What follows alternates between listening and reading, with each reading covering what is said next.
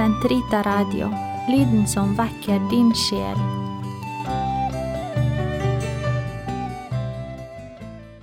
Bokomtale og forfatteromtale Gjennom sitt lange presteliv har pater Olav Müller eh, sett det som en misjon å motvirke den nedvurdering av Olav Haraldssons hellighet som finner sted i vår tid. En iver som kan illustreres ved anledningen da forfatteren måtte lime på helgenkongens hode med aralditt etter at gatens pøbel hadde veltet Olavsstatuen i prestegårdshagen i Trondheim. Trønder- og pikkbusspater Olav Dagfinn Müller, født 1924, har i en mannsalder vært en høyt skattet prest, sjelesørger, foredragsholder og skribent i det katolske Norge.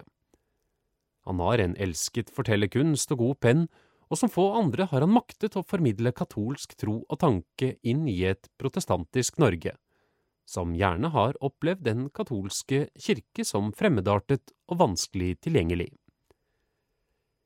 I Pateren dypper pennen deler pater Olav anekdoter og milepæler fra sitt lange presteliv, begivenheter som, særlig i ettertid, kaller på den glade latter.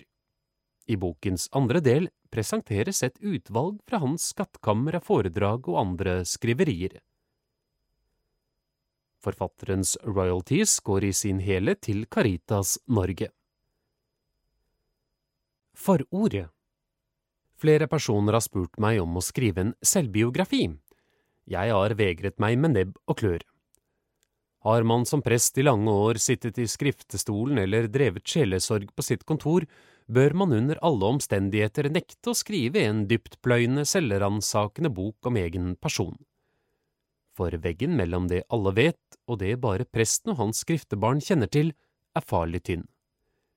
En grenseoverskridelse kan lett skje og vil få katastrofale følger. Det jeg vel òg med god samvittighet tillater meg i denne boken, er å fortelle leserne om noen milepæler og møter i mitt liv, som alle i min omgangskrets kjenner til, begivenheter som særlig ettertid kaller på den glade latter. Dette gjelder særlig første del av boken. I den andre delen gjengir jeg noen tanker hentet fra artikler og foredrag jeg har holdt på vidt forskjellige steder i landet.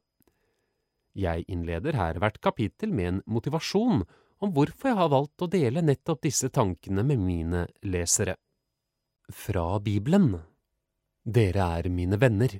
Jeg kaller dere ikke lenger tjenere, for tjeneren vet ikke hva Hans Herre har fore. Nei, dere kaller jeg nå venner, for alt det jeg har hørt av min far, har jeg gitt dere del i.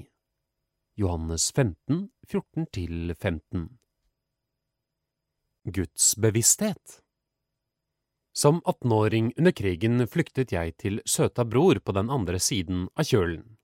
Året var 1942.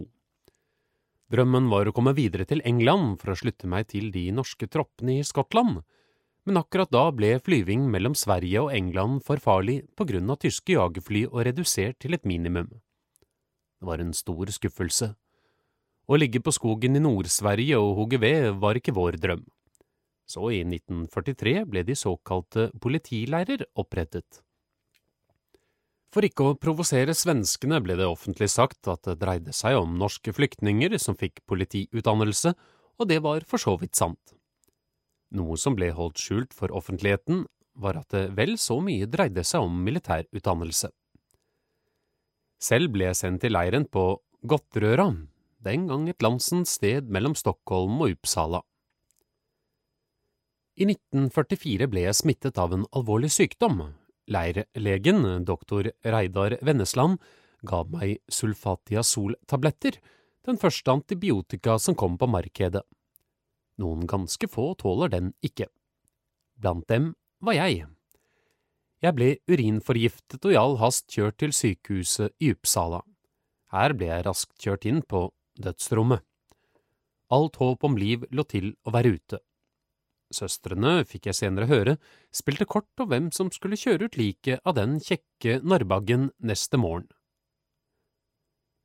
To svenske pasienter lå allerede på dødsrommet. Etter noen timer mumlet han til høyre for meg, Det her er et helvete, hør du? Så snudde han seg og gikk over i evigheten. Hans kone hulket sårt, Kort etter døde han på min venstre side, men med mindre bevingede ord. Ny hulk fra sørgende kone. Så lå jeg der alene og ventet på min skjebne.